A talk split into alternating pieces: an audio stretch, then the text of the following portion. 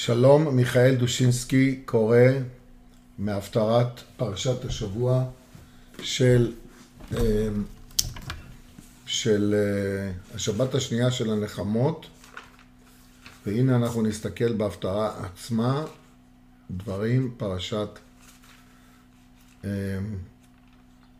עקב. אז בואו נראה מה אנחנו קוראים כאן. ותאמר ציון עזבני אדוני ואדוני שכחני ואז זה ממשיך. עד שמגיעים לישעיהו מ"ט פסוקים י"ז עד כ' אז בואו נקרא אותם. מיהרו בנייך מהרסייך ומחריבייך ממך יצאו. זאת אומרת בנייך יבואו והמהרסים והמחריבים זה הכוונה האויבים לא אנחנו זה רק דרש ממך יצאו, הם יצאו מארץ ישראל. היום דורשים את זה מהרסייך ומחריבייך ממך יצאו, זה כאילו המהרסים והמחריבים באים מתוכנו, אבל זה לא הפשט. הפשט הוא, מיהרו בנייך, יבואו לארץ ישראל, ואז מהרסייך ומחריבייך של ארץ ישראל, בזמנו זה היה הבבלים, הרומאים, יצאו כשאנחנו נעזור. ואז הוא ממשיך, שאי סביב עינייך וראי, כולם נקבצו ואולך, חי אני נאום אדוני.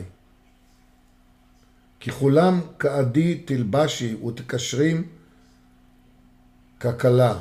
כי חורבותייך ושוממותייך וארץ הריסותך, כי אתה תצרי מיושב. ורחקו מבלעייך, אלה שהיו נגדך יתרחקו. עכשיו ממשיך הפסוק, עוד יאמרו באוזנייך, בני שיקולייך, אלה שהיו שיקולים, צר לי המקום, והתשובה תהיה, גשה לי בשבע. תיגש, ואז יהיה כן מקום לשבת. וזה מה שהוא הולך להגיד לנו כאן, הדוד הנפלא הזה, במאמר ובחידוש שלו. מספ... צריך לדעת לנצל הזדמנויות. מה הוא אומר? מספרים כי בצאת גוריו תלמידיו של הארי הקדוש, יחד עם הארי. קוראים להם גורי הארי, כי השם שלו זה הארי, אז תלמידיו הם כאילו גורי הארי. ויצאו להקביל פני שבת המלכה בצפת ביום שישי לפני שקיעת החמה. יצאו מן העיר, כאילו, לפני שקיעת החמה, משם באה כל המסורת של קבלת שבת, לכו ננרה נהנה להשם נריע ליצור אישנו, שזה חיבר כשבי שלמה על כבד שקבור על ידו שם, מהדור הזה. אה, לא לכו נראה נהנה, הכוונה לך דודי, לקראת כלה, פני שבת נקבלה, והתימנים אומרים נקבילה, להקביל את הכלה. אמר להם הארי, הבה נצא ונעלה לירושלים. ונקבל ונקביל שבת קודש שם.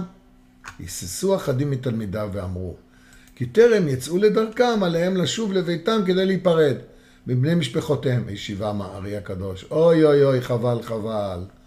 רגע זה היה מסוגל על הגאולה. לו הייתם מוכנים לא לרגע זה, ללא היסוסים וללא פניות ושיקולים. חבל, כי ההזדמנות שהגיעה לידכם לא מצאה אתכם מוכנים לה, והחמצתם אותה. התנאי לצאתם שמארסנו מחריבנו מקרבנו הוא כדי שלא יהיו וכל האויבים האלה שיושבים בתוך ארץ ישראל, מיהרו בנייך, שהבנים עצמם לא יהססו, לא יפסחו על שתי הסעיפים, כי אם יעלו בהמוניהם מהר ללא כל איחור. זה מה שהם צריכים לעשות, פן יחמיצו את השעה. הדוד הזה, על אף שהוא כל ימיו שירת את עם ישראל בגלות, היה כל כך מאמין בארץ ישראל, שבסוף ימיו הוא עלה וזכה שאת השנה האחרונה לחייו, שנת ה-69-70 לחייו, ונפטר בארץ הקודש ובה הוא נקבר. לא אחת מועלית הטענה כי צר המקום בארץ. אין בה מקום לקלוט רבבות אלפי ישראל. הוא כותב את זה לפני 40 שנה, 50 שנה. ואז הוא אומר, אין בה מקום לקלוט רבבות אלפי ישראל, ונשכח מפי הקובלים את הטענה הזאת, כי משולה ארץ ישראל לצבי, שאורו נמתח עליו ככל שהוא גדל והולך. ואומנם הוכיחו העובדות, עוד פעם, איזו אקטואליה, שככל שגדל היישוב היהודי בארץ הקודש, הוא מסוגל לקלוט יותר ידיים עובדות בכל ענפי החקלאות, המסחר והתעשייה, והיום זה הייטק.